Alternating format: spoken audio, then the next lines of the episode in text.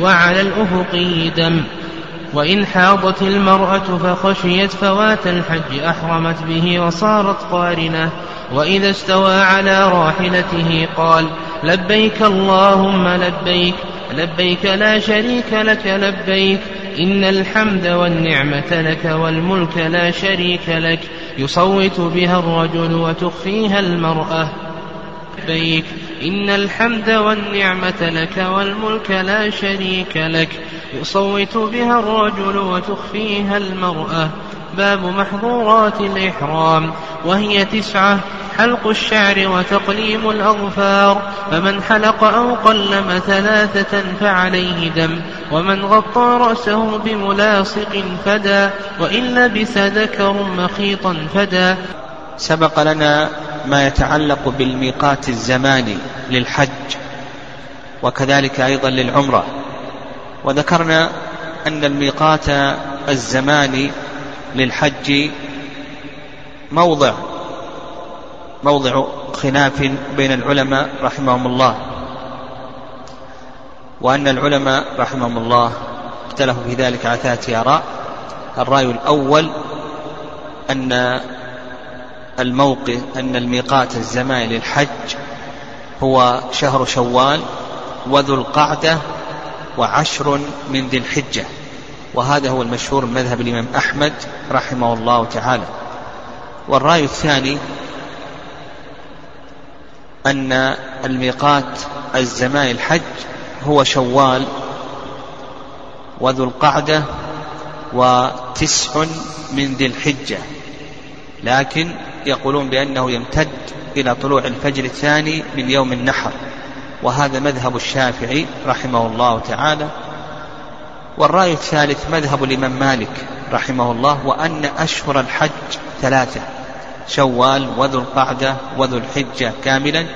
وذكرنا بأن هذا القول هو أقرب الأقوال لأن هذا هو ظاهر القرآن. وأن الآثار الواردة عن الصحابة رضي الله تعالى عنهم متعارضة وإذا كانت كذلك فإنه يصار إلى ظاهر القرآن والسنة. وذكرنا حكم ما إذا أحرم قبل الميقات المكاني أو أحرم قبل أشهر الحج وأن الراجح ما عليه جمهور أهل العلم إذا أحرم قبل الميقات المكاني قبل الميقات المكاني أن إحرامه ينعقد لكنه يكره خلافا لما ذهب إليه الظاهرية.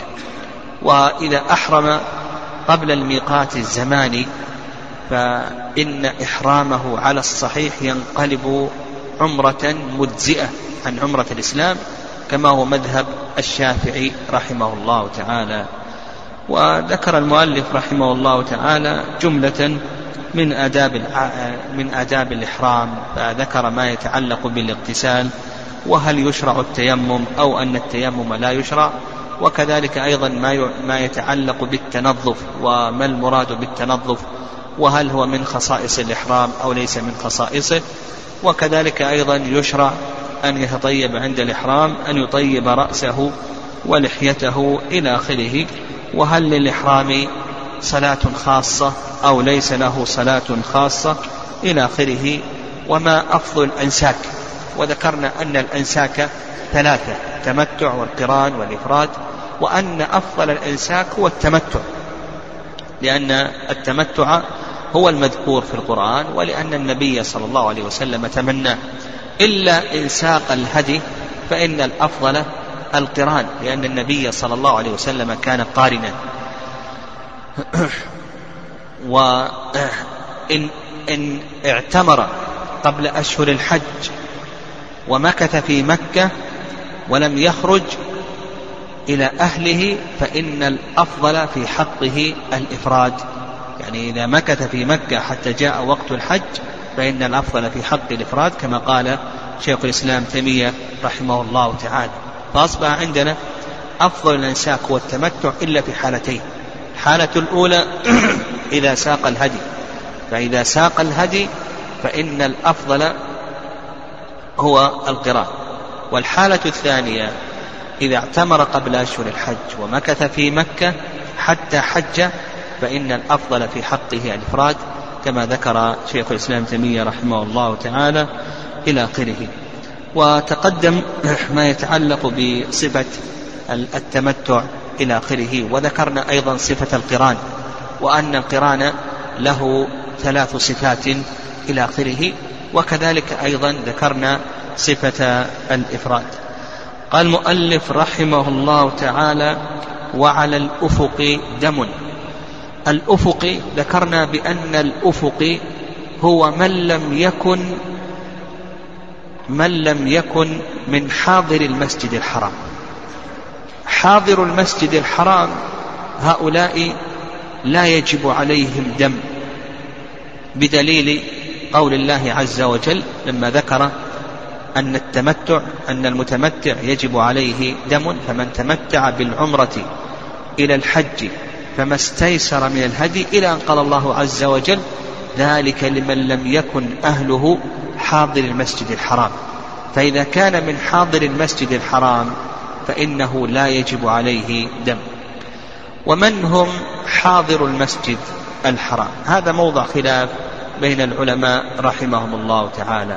اختلف العلماء رحمهم الله في تفسير قوله تعالى ذلك لمن لم يكن أهله حاضر المسجد الحرام. وذكرنا خلاف أهل العلم رحمهم الله تعالى في هذه المسألة وذكرنا أن الأقرب في حاضر المسجد الحرام أنهم أهل مكة وأهل الحرم. فأهل مكة وأهل الحرم هؤلاء لا يجب عليهم الهدي. لا يجب عليهم دم. ما عداهم من المتمتعين وكذلك أيضا من القارنين يجب عليهم دم. أما أهل مكة وأهل الحرم فهؤلاء لا هدي عليهم لأن هؤلاء هم حاضرو المسجد الحرام. قال المؤلف رحمه الله تعالى وعلى الأفق دم الأفق كما ذكرنا أن المراد به من لم يكن أهله حاضر المسجد الحرام. الحاج لا يخلو من ثلاث حالات. الحالة الأولى أن يكون متمتعا فهذا يجب عليه دم بالاتفاق بالإجماع يجب عليه دم والقرآن والسنة والآثار في هذا ظاهرة.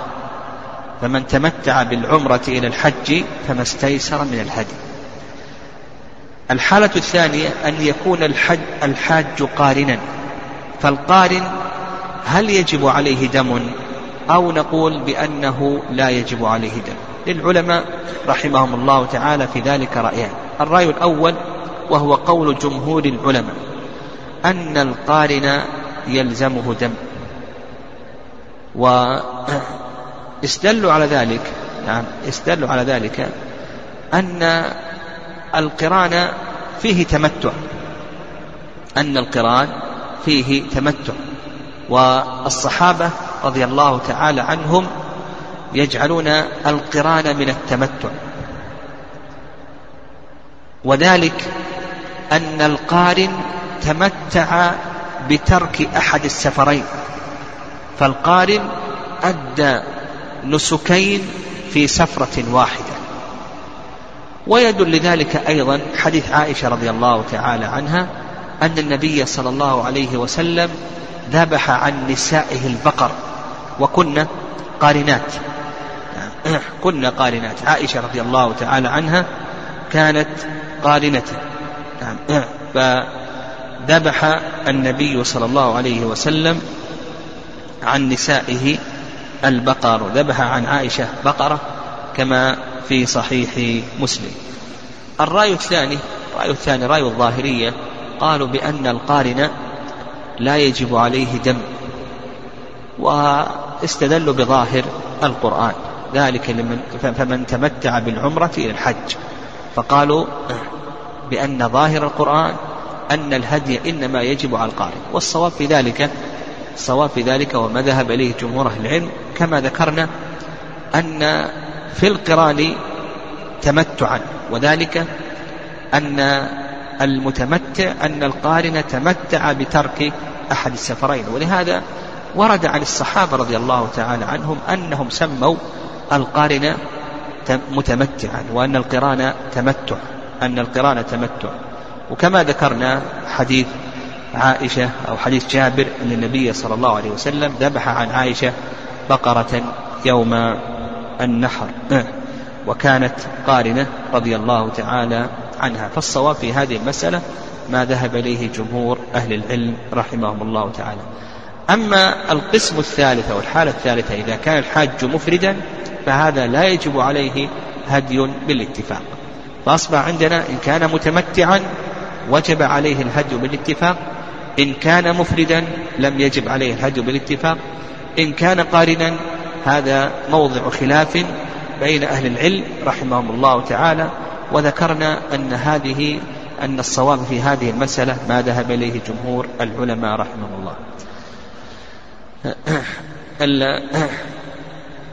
التمتع ذكرنا صفته وهو أن يحرم بالعمرة في أشهر الحج ويفرغ منها ثم بعد ذلك يحل يهل بالحج من عامه.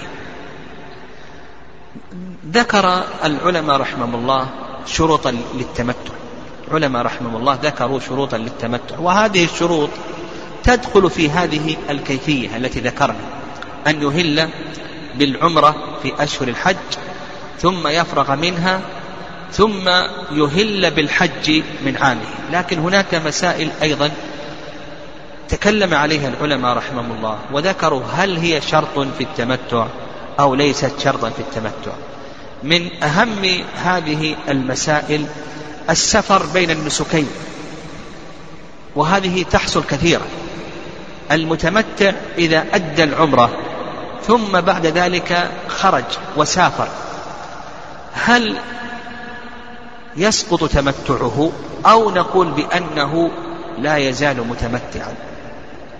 المشهور من مذهب الإمام أحمد رحمه الله تعالى المشهور من مذهب الإمام أحمد رحمه الله تعالى أنه إذا سافر مسافة قصر أنه إذا سافر مسافة قصر فإن تمتعه يسقط عليه. وعلى هذا إذا أدى العمرة ثم سافر مسافة قصر ورجع إلى مكة فإنه لا يكون متمتعا.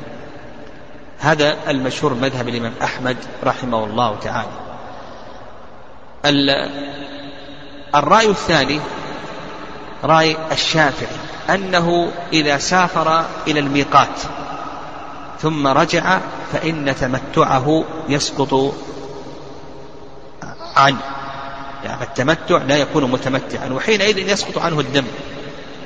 الرأي الثالث ومذهب أبي حنيفة رحمه الله أنه إذا سافر إلى بلده فإن تمتعه يسقط. وأما إن سافر إلى غير بلده سواء سافر مسافة قصر أو أكثر من ذلك فإن تمتعه لا يسقط عليه. والصواب في هذه المسألة هو ما ذهب إليه الحنفية رحمهم الله. حنفية وإذا سافر إلى بلده فإن التمتع يسقط عنه. وحينئذ لا دم عليه. الصواب في هذه المسألة وما ذهب إليه الحنفية رحمهم الله تعالى لأن هذا هو الوارد عن عمر وابنه رضي الله تعالى عنهما ولأنه إذا سافر إلى بلده ثم خرج مرة أخرى يكون أنشأ ماذا؟ أنشأ سفرا جديدا. نعم أنشأ سفرا جديدا. المسألة الثانية المسألة الثانية. هل تشترط نية التمتع من حين الإحرام بالعمرة أو نقول بأن هذا ليس شرطا؟ المشهور من مذهب الإمام أحمد رحمه الله أنه لكي يكون متمتعا لا بد أن ينوي التمتع حين إحرامه بالعمرة. والرأي الثاني ذهب إليه صاحب المغني رحمه الله أن هذا ليس شرطا أن هذا ليس شرطا وهذا القول هو الصواب. ويدل لذلك أن النبي صلى الله عليه وسلم أمر كل من لم يسق الهدي من المفردين والقارنين أن يحلوا وأن يجعلوا إحرامهم عمرة. فيكون ماذا؟ يكونوا متمتعين وهم ما نووا ما نووا التمتع في ماذا؟ لم ينووا التمتع في ابتداء العمرة. قطعا لم ينووا التمتع في ابتداء العمرة. فالصحيح في هذه المسألة أن نية التمتع كما ذكر ابن قدامة رحمه الله أنها ليست شرطا يعني لا يشترط أن ينوي التمتع في ابتداء العمرة. المسألة الثالثة نعم المسألة الثالثة. أيضا هل يشترط لكي يكون متمتعا أن يحرم من الميقات؟ نعم هل يشترط أن يحرم من الميقات أو من مسافة قصر فأكثر هذا المشهور من المذهب. مشهور مذهب لكي يكون متمتع لا بد أن يحرم من الميقات أو من مسافة قصر فأكثر والرأي الثاني نعم الرأي الثاني أن هذا ليس شرطا. نعم الرأي الثاني أن هذا ليس شرطا وهذا رأي ابن قدامة رحمه الله تعالى وهو الصواب. وعلى هذا لو أحرم دون الميقات. وهذا يفعل الآن كثير من الناس. كثير من الناس بسبب تصاريح الحج تجد أنه يتجاوز الميقات. ثم بعد ذلك يحرم دون الميقات. يحرم بعمرة ثم يتحلل منها ثم يحرم بالحج إلى آخره. فنقول بأن هذا متمتع. وإن ترك الإحرام من الميقات فالصواب في هذه المسألة أنه لا يشترط أن يحرم من الميقات أو من مسافة قصر كما يقول الحنابلة رحمهم الله تعالى. قال المؤلف رحمه الله وإن حاضت المرأة فخشيت فوات الحج أحرمت به وصارت قارنة. المؤلف رحمه الله تعالى قال وإن حاضت المرأة. ويا ليت المؤلف قال وإن أحرم متمتعا فخشي فوات الحج. أحرم بالحج. لو أنه لم يخص ذلك بالمرأة الحائض. لو أتى بعبارة عامة لكان أحسن. لكن المؤلف رحمه الله عذره في ذلك أن القضية وردت في من؟ وردت في عائشة رضي الله تعالى عنها فإن عائشة رضي الله تعالى عنها أحرمت متمتعة أحرمت بالعمرة ثم بعد ذلك حاضت. لو أن عائشة جلست تنتظر حتى تطهر من حيضها ثم بعد ذلك تؤدي العمرة فات وقت الوقوف بعرفة. فحينئذ ماذا أمرها النبي صلى الله عليه وسلم؟ أمرها بأي شيء أن تحرم بالحج. لكي تكون ماذا؟ لكي تكون قارنة. فأحرمت عائشة رضي الله تعالى عنها بالحج. فنقول في ذلك إذا أحرم متمتعا أحرم بالعمرة متمتعا وحصل له عذر بحيث يخشى أن يفوت الحج. ولنفرض أن الإنسان أصابه عائق حادث ونحو ذلك عائق في مركوبه أو عائق في أهله إلى آخره.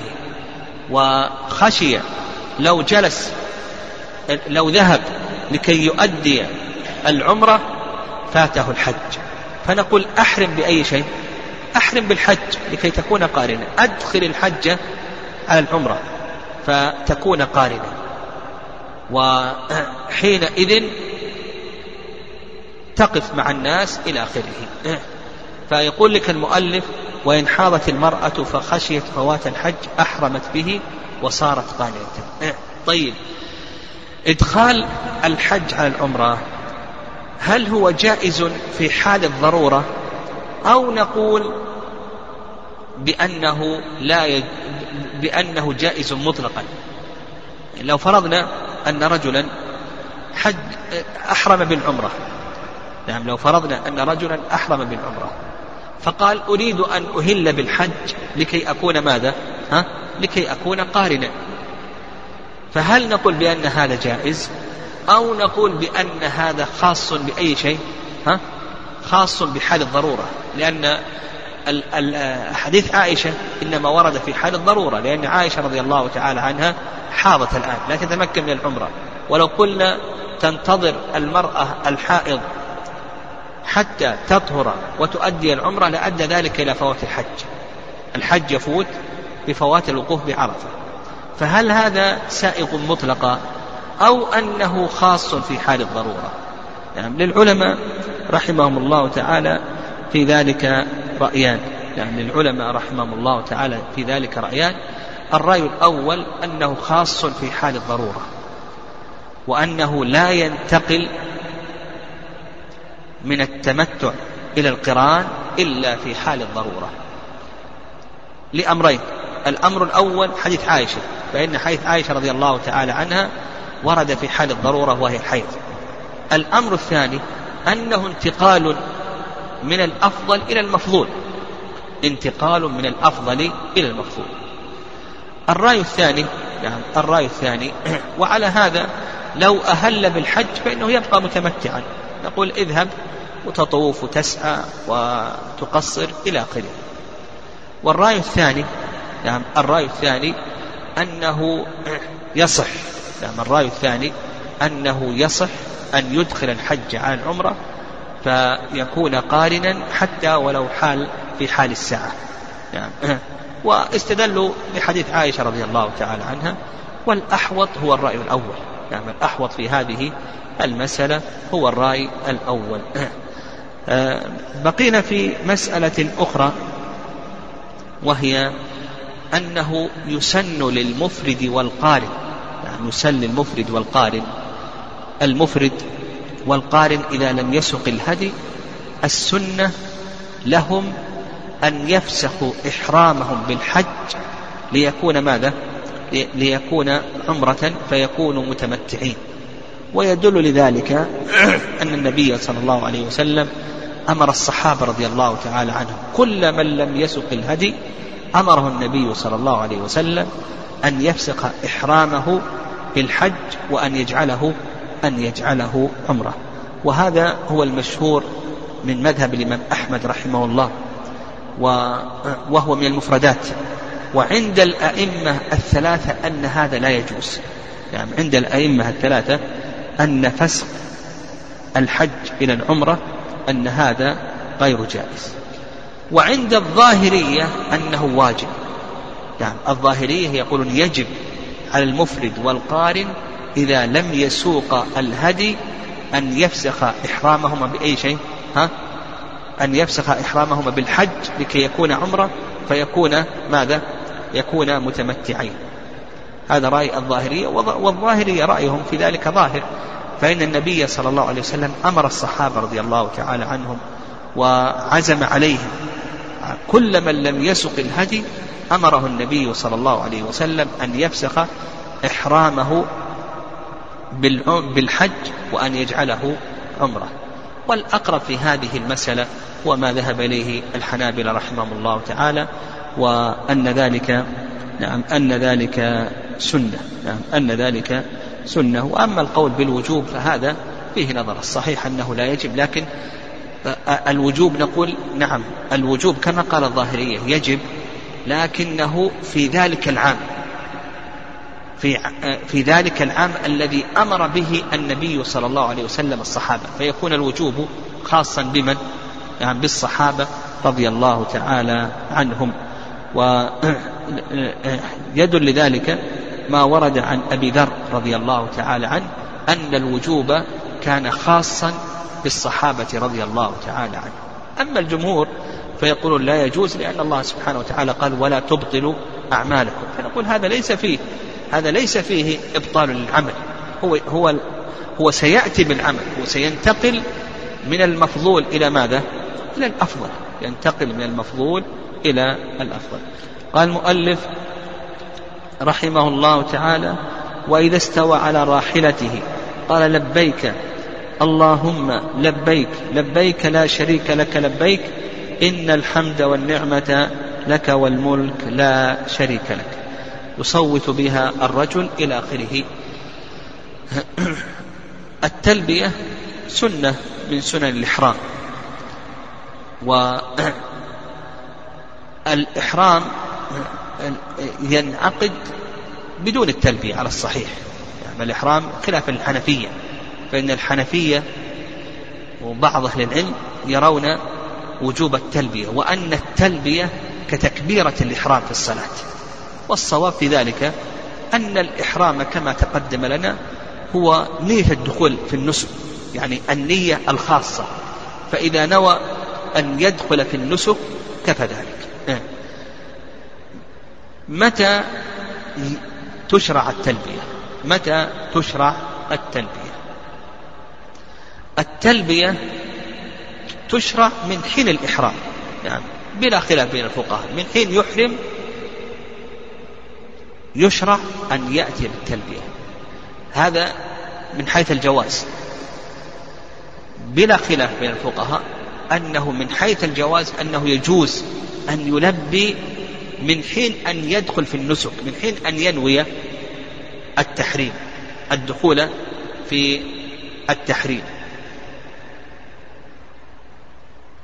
لكن هل ما هو الوقت الأفضل لبدء التلبية؟ هذا هو موضع الخلاف. المؤلف رحمه الله تعالى قال لك وإذا استوى على راحلته قال المؤلف يرى أن الوقت الأفضل لبدء التلبية ولا كما قلنا بدء التلبية يجوز من حين الإحرام. فقد يدخل في النسك يعني يدخل في النسك وينتظر لا يبدأ بالتلبية حتى يستوي على راحلته حتى يركب سيارته أو يركب آه، قاطرته أو نحو ذلك. المهم يركب المركوب. وما ذهب إليه المؤلف رحمه الله تعالى هو مذهب الإمام هو مذهب الإمام مالك رحمه الله وأن وقت التلبية يبدأ إذا استوى على راحلته. وبهذا نفهم أن الماتر رحمه الله في هذه المسألة خالف المشهور من المذهب. المشهور من المذهب ومذهب الحنفية أن وقت التلبية يبدأ دبر الصلاة كما تقدم لنا أنه يشرع أن يحرم دبر صلاة. وعلى هذا يبدأ وقت التلبية دبر الصلاة. والرأي الثالث نعم الرأي الثالث وهو رأي الشافعي رحمه الله تعالى أنه يبدأ من بدء السير.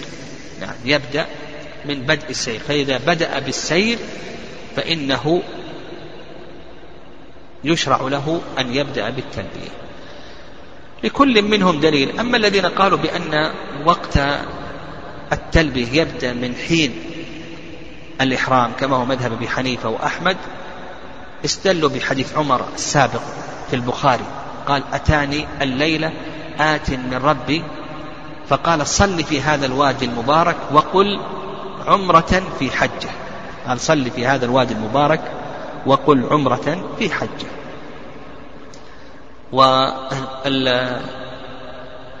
والذين قالوا بأنه يبدأ إذا استوى على راحلته كما ذكر المؤلف رحمه الله استدلوا بحيث جابر رضي الله تعالى عنهما وكذلك أيضا حيث ابن عمر حيث جابر رضي الله تعالى عنهما أن إهلال رسول الله صلى الله عليه وسلم من ذي الحليفة حين استوت به راحلته.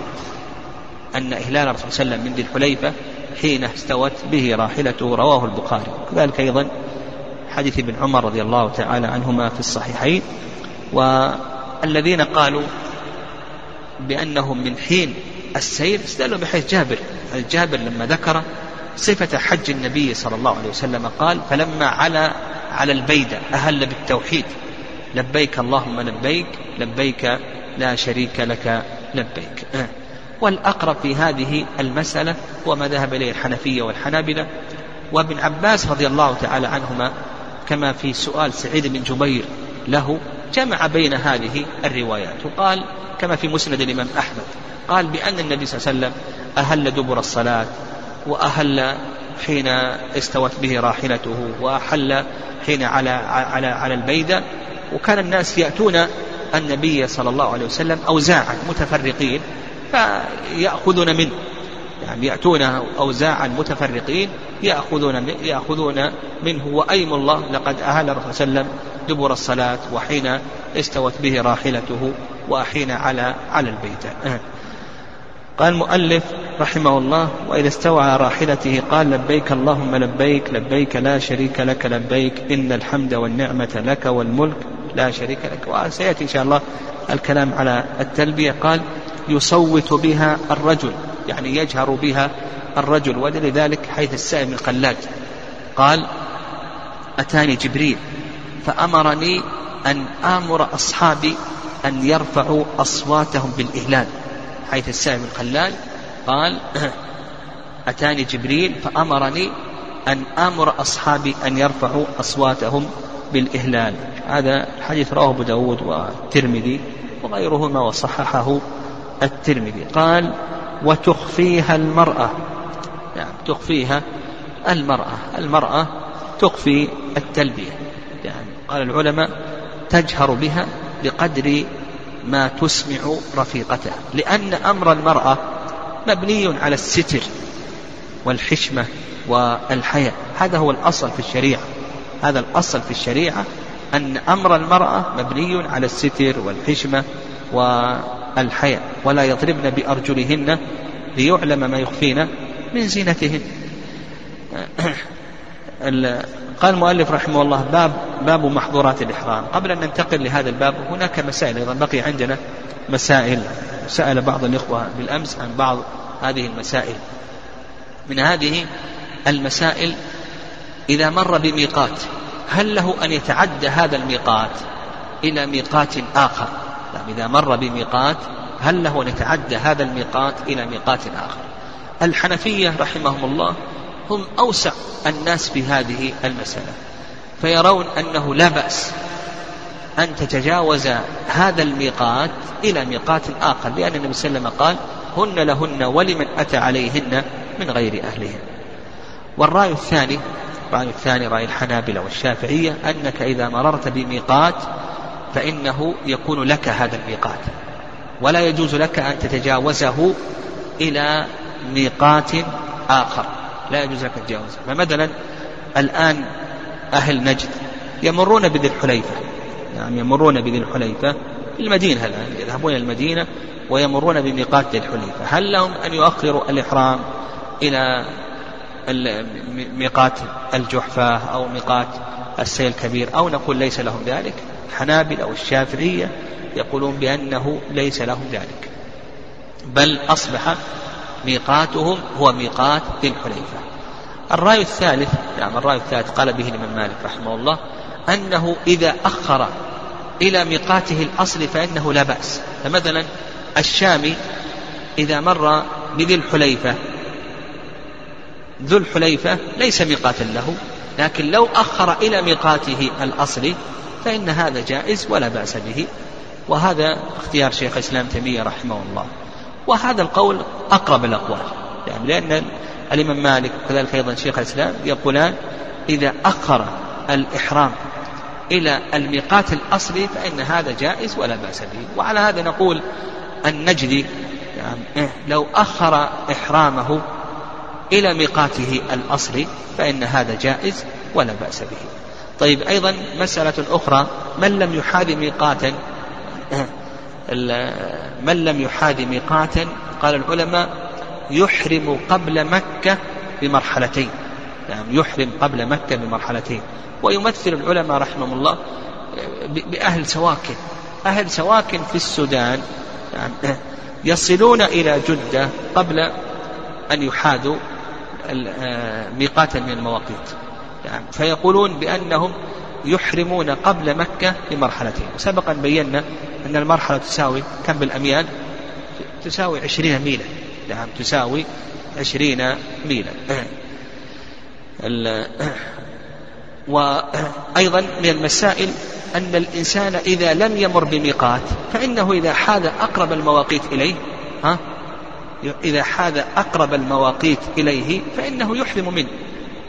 ويدل لذلك قول عمر رضي الله تعالى عنه انظروا حذوها من طريقكم انظروا حذوها من طريقكم. لكن ما هو ضابط المحاذاة؟ ضابط المحاذاة تنظر إلى أقرب المواقيت إليك. الآن أنت إذا مررت انظر إلى أقرب المواقيت إليك. وكم يبعد عن الكعبة؟ هذا الميقات. كم يبعد عن الحرم عن المسجد الحرام؟ يبعد عن المسجد الحرام كذا وكذا فإن فإنك إذا كان بينك وبين الكعبة هذه المسافة تحرم. يعني نقول ضابط المحاذاة إذا مررت بميقات من المواقيت إذا مررت بميقات من المواقيت تنظر كم المسافة التي بين هذا الميقات وبين المسجد الحرام؟ فمثلا المسافة كما تقدم لنا مرحلتان ثلاث مراحل كما الجحفة. جحفة ثلاث مراحل يقول العلماء رحمهم الله. فأنت قبل المسجد الحرام تحرم بثلاث مراحل. قال المؤلف رحمه الله تعالى باب محظورات باب محظورات الإحرام. لما تكلم المؤلف رحمه الله تعالى عن الإحرام وآدابه والأنساك المشروعة فيه شرع في بيان الأشياء الممنوعة بسبب الإحرام. فقوله باب محظورات الإحرام معنى ذلك الأشياء التي تمنع بسبب الإحرام.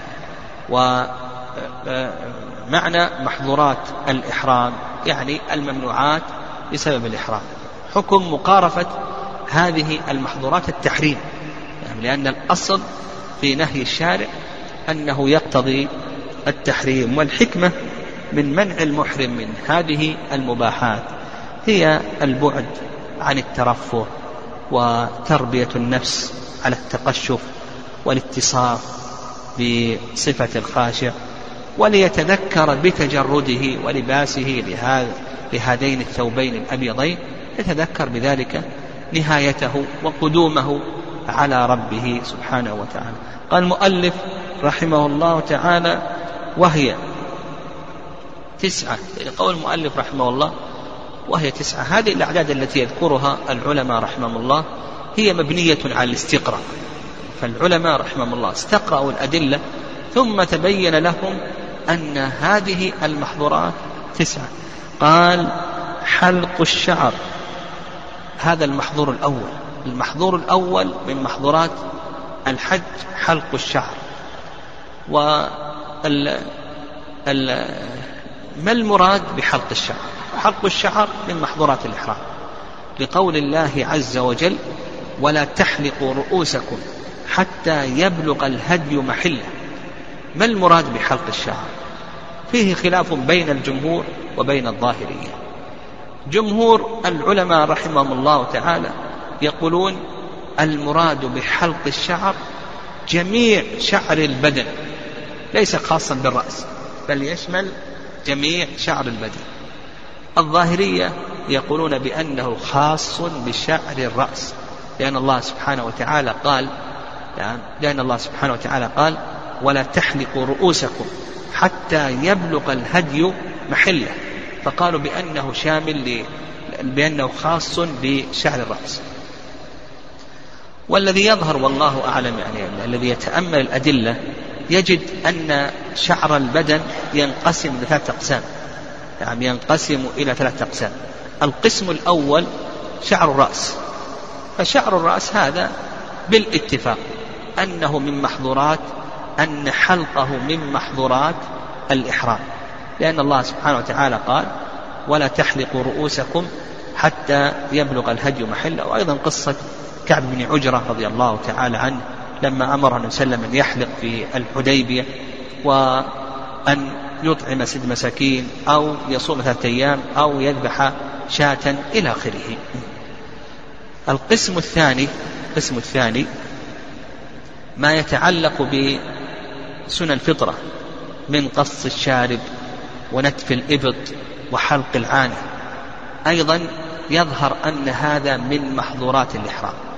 يعني ويدل لذلك أن الله سبحانه وتعالى قال ثم ليقضوا تفثهم وليوفوا نذورهم وليطوفوا بالبيت العتيق. مما يدخل في قضاء التفث كما جاء عن جمع من أئمة المفسرين وأهل اللغة يعني مما يدخل في ذلك آه، حلق العانة ونتف الإبط والأخذ من الشارب وتقديم الأظفار. حلق العانة ونتف الإبط وتقليم الشارب آه، وقص الشارب وتقليم الأظفار. هذا داخل في أي شيء؟ داخل في قضاء التفث. يعني ولأن آه، نعم داخل في قضاء التفث. نعم. القسم الثالث بقية شعر البدن. نعم بقية شعر البدن. فكما أسلفنا الجمهور يرون أنه من محظورات الإحرام والظاهرية يرون أنه ليس من محظورات الإحرام. ويظهر والله أعلم ما في دليل على أنه من محظورات الإحرام. حينئذ يبقى على الأصل. لكن إذا احتاط المسلم وترك أخذ مثل هذه الأشياء لأنه ليس بحاجة إليه. يعني كونه يأخذ من شعر يأخذ من شعر يده أو يأخذ من شعر رجله ما له حاجة إلى هذا إلى آخره. فنقول الأحسن أنه يترك مثل هذه الأشياء. لكن من حيث الدليل كما تقدم لنا عندنا قسمان يظهر يظهر أنهما داخلان في أي شيء؟ في محظورات الإحرام. طيب وحلق وقول المؤلف رحمه الله حلق التعبير هنا بالحلق اتباعا لنص القرآن وإلا سواء حلق أو قلع نعم أو يعني حلق أو قلع أو قص نحو ذلك هذا كله من محظورات الإحرام ما يجوز يعني لا يجوز. وعندنا قاعدة وهي أن النهي يتعلق بجميع أفراد المنهي عنه. فالشارع نهاك أن تحلق شعر رأسك.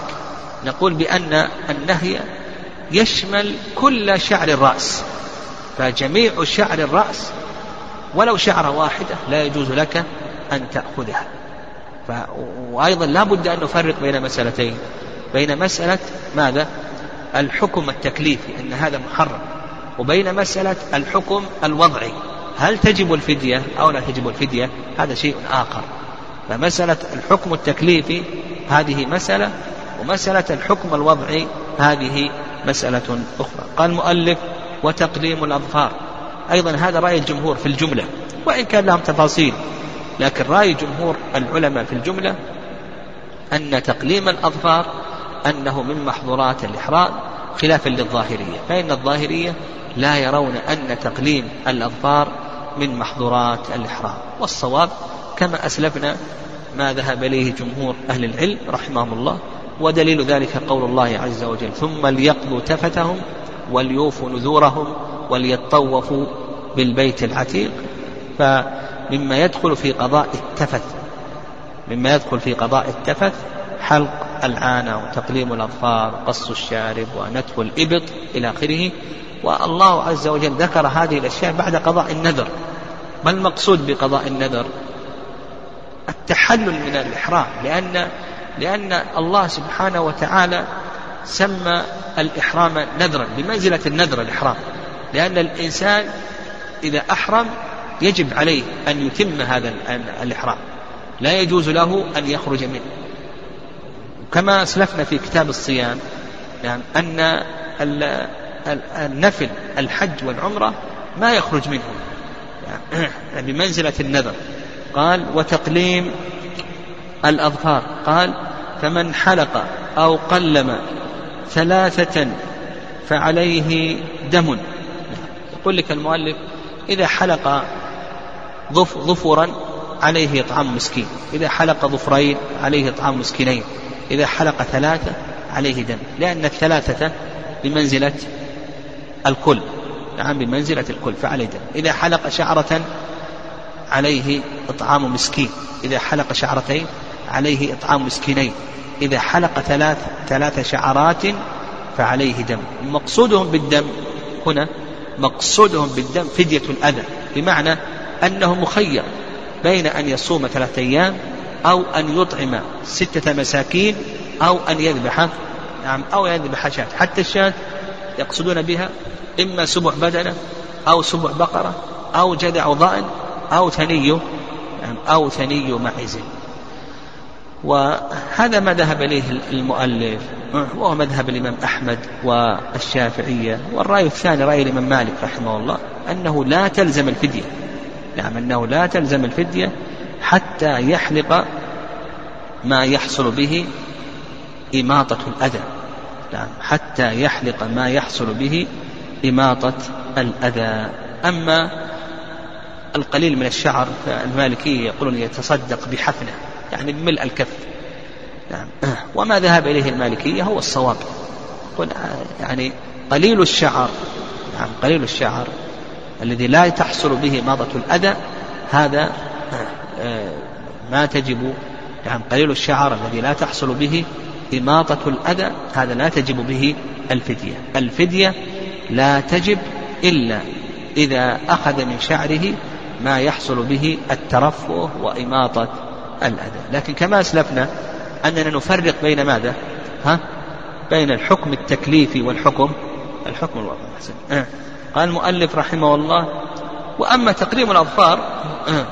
تقريم الأظفار ما ثبت في شيء من جهة الفدية لكن من جهة التحريم كما تقدم لنا نقول بأنه محرم ولا يجوز. قال ومن غطى رأسه بملاصق فدى نعم نعم هذا الثالث من محظورات الإحرام تغطية الرأس. وتغطية الرأس دليله قول النبي صلى الله عليه وسلم في حديث ابن عمر ولا يلبس العمامة ولا البرنس. نعم ولا يلبس العمامة ولا البرنس. وأيضا حيث ابن عباس رضي الله تعالى عنهما في الذي وقصته راحلته أن النبي صلى الله عليه وسلم قال اغسلوه بماء وسدر وكفنوه في ثوبين ولا تخمر رأسه. فنهى النبي صلى الله عليه وسلم عن تخمير الرأس. طيب إذا غطى رأسه هذا تحته أقسام. نعم هذا تحته أقسام. القسم الأول أن يغطي رأسه بملاصق معتاد مثل العمامة ومثل الطاقية ونحو ذلك. وإلى آخره. فهذا لا إشكال أنه من محظورات الإحرام. إذا كان آه، ملاصقا معتادا يلبس على العادة فنقول بأن هذا من محظورات الإحرام. هذا لا إشكال في ذلك. القسم الثاني نعم القسم الثاني أن يغطي رأسه بغير معتاد كما لو أخذ قطعة من الورق نحو ذلك. أو مثلا أخذ قطعة آه، أو إلى آخره أخذ قطعة من الحديد إلى آخره. فنقول هذا داخل في محظورات الإحرام. لأن النبي صلى الله عليه وسلم نهى عن تخمير الرأس. قال ولا تخمر نعم ولا تخمر رأسه. نعم ولا تخمر رأسه. التخمير هو الستر والتغطية طيب القسم الثالث نعم القسم الثالث أن يعصب رأسه بسيف ونحو ذلك. فالمذهب أنه من محظورات الإحرام. إذا عصب رأسه بلفافة أو بسير ونحو ذلك المذهب أنه من محظورات الإحرام لأنه داخل نعم داخل في النهي. فالشارع نهى عن تخمير الرأس يشمل القليل والكثير. نعم. وعند الشافعية نعم عند الشافعية أن هذا جائز ولا بأس به يعني كونه يعصب رأسه إلى آخره بسير ونحو ذلك أن هذا جائز ولا بأس به. يقولون لأن هذا الستر لا يقصد نعم هذا الستر لا يقصد. طيب القسم الرابع نعم القسم الرابع الاستضلال. نعم الاستضلال بشيء غير تابع هذا جائز بالاتفاق إذا استظل بشيء غير تابع كما لو استظل بالخيمة. الخيمة ليست تابعة أو استظل بشجرة ونحو ذلك فهذا جائز ولا بأس به. ويدل لذلك حديث أم الحسين رضي الله تعالى عنها أنها رأت أسامة وبلالا رضي الله تعالى عنهما أحدهما آخذ بخطام ناقة النبي صلى الله عليه وسلم والآخر رافع ثوبه يستره من الحر. يعني يستره من الحر. طيب القسم الخامس الاستضلال القسم الخامس الاستضلال بشيء تابع مثل سقف السيارة. يعني مثل سقف السيارة أو الشمسية. يعني المظلة هذه الشمسية. فهل هذا جائز أو ليس المشهور من المذهب ومذهب الحنابلة ما دام أنه تابع فيقولون بأنه ليس جائزا. يعني هذا ليس جائزا. يعني يستظل بسقف السيارة الشيء الذي يتبعه بسقف السيارة ونحو ذلك. فهذا المشهور من المذهب مذهب الإمام أحمد آه، مذهب مالك وأحمد أن هذا ليس جائزا. والرأي الثاني نعم أن هذا جائز ولا بأس به كما هو مذهب أبي حنيفة وهو الشافعي. وهذا هو الصواب. هذا هو لأن هذا ليس تخميرا. هذا ليس تخميرا وإنما هو استضلال. طيب القسم الخامس أو السادس إذا حمل على رأسه شيئا. إذا حمل على رأسه شيئا. فنقول هذا فيه تفصيل. يعني إذا حمل على رأسه شيئا نقول فيه تفصيل. إن قصد تخمير الرأس نقول فعل محظورا من محظورات الإحرام. وإن لم يقصد تخمير الرأس فنقول أن هذا جائز ولا بأس به.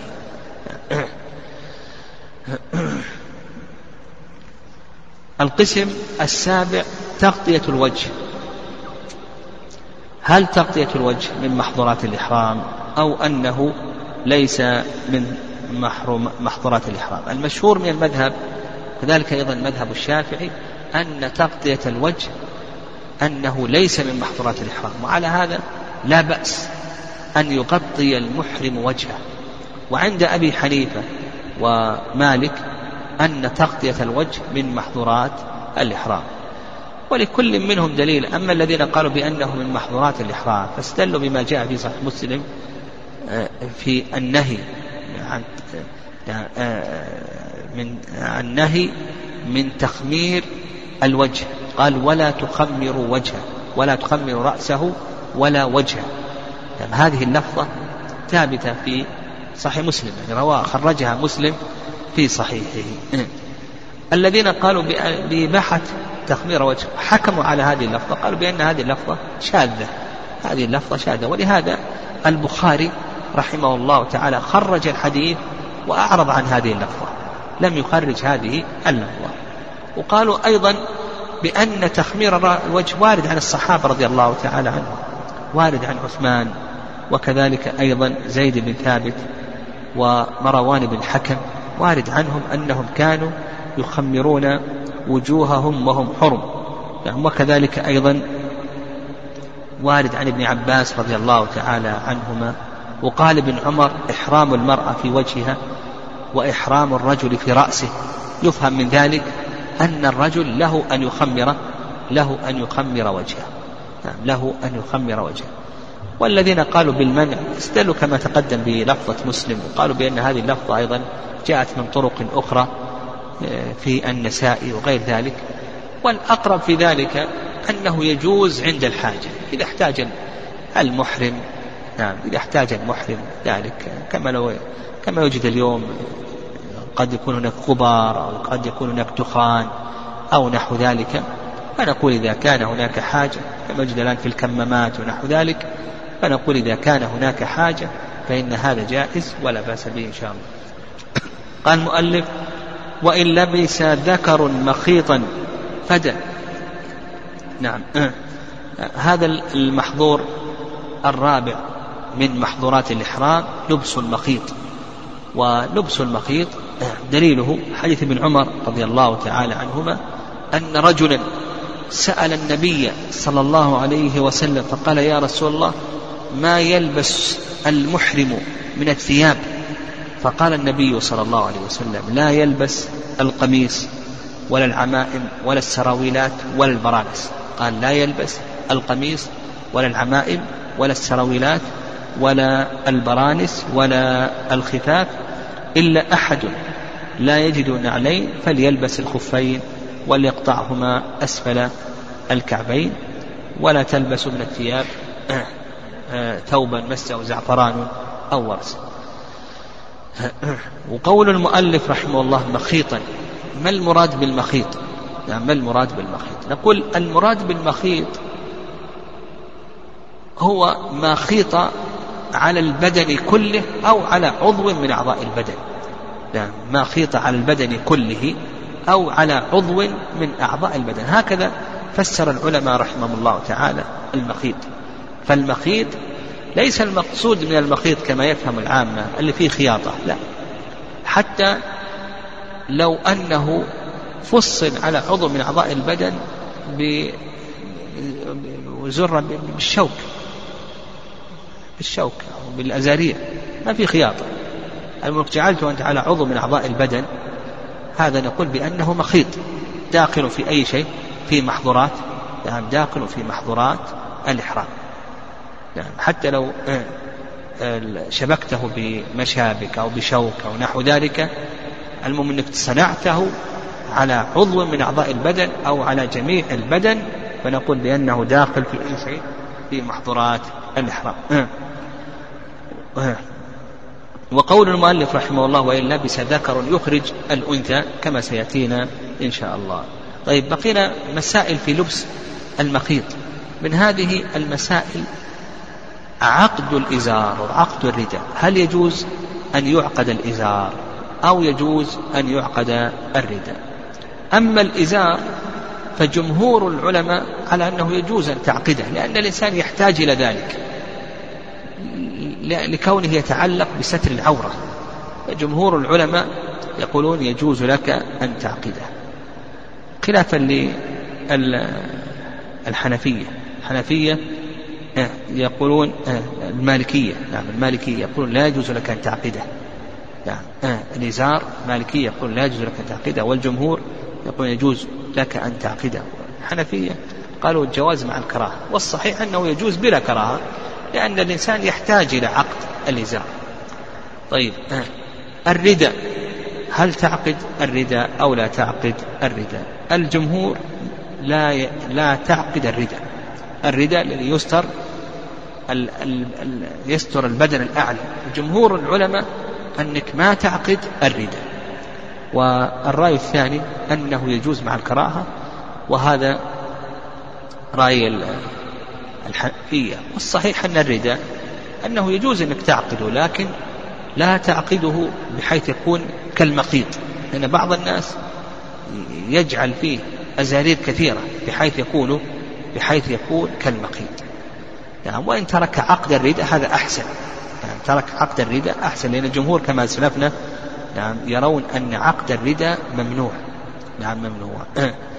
أما بالنسبة للإزار فلا بأس أنك تعقد الإزار بما, بما يربط الإزار آه، آه، يمنعه من السقوط لأن الإزار يتعلق به ستر العورة.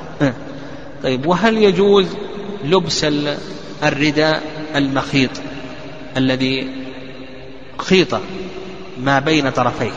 هل يجوز هذا أو لا يجوز؟ الذي يظهر أن هذا لا يجوز لبسه, لبسه. لأنه الآن أصبح مصنوعا على جزء من البدن. لا أصبح مصنوعا على جزء من البدن. فالذي يوصل طرفاه يعني يوصل طرفاه سواء بالخياطة أو بالأزارير أو باللزاق إلى آخره أصبح الآن هذا مصنوعا على جزء من البدن. هذا من وجه. ومن وجه آخر من وجه آخر أن أن الإزار الذي خيط طرفاه عند العرب نعم عند العرب هو نوع من أنواع السراويل. والنبي صلى الله عليه وسلم نهى عن لبس ماذا؟ عن لبس السراويل. يعني هو نوع من أنواع السراويل عند العرب. والنبي صلى الله عليه وسلم نهى عن لبس السراويل. وأيضا يكفي في ذلك أن النبي صلى الله عليه وسلم أحرم بإزار ورداء هذا من وسلم أحرم بإزار ورداء وأن الإزار هذا ليس مخيطا إلى آخره فنقول نتبع ما جاء عن النبي صلى الله عليه وسلم. نقف على محظور الطيب وإن طيب بدنه